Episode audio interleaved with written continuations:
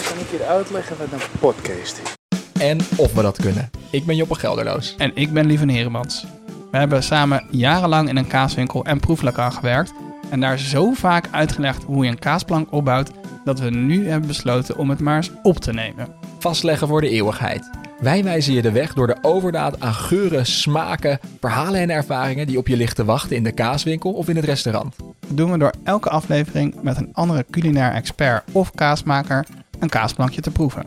En aan het einde van het eerste seizoen kan je zelfstandig een kaasplankje samenstellen. En voor de kenners, de mensen die denken dat ze alles al weten, we gaan ook voor je op zoek naar de verhalen achter de smaken die je koelkast uitkomen druipen in de reportages die we maken bij verschillende boeren in het land. Nou, ik, ik wil altijd heel graag boer worden. Dat, dat heeft niks met eh, beslissingen of zo te maken. Dat is een drift die Dat in zit je erin, zit of ja. zo. Ja, een oerdrift. En als het lukt, maken we misschien zelf ook wel een kaas. Ze zien er prachtig uit, maar de smaak eh, is nog... eh, Kaas, een podcast over kaas Voor mensen met een zekere zwakte voor zuivel. die meer willen weten over wat ze eten.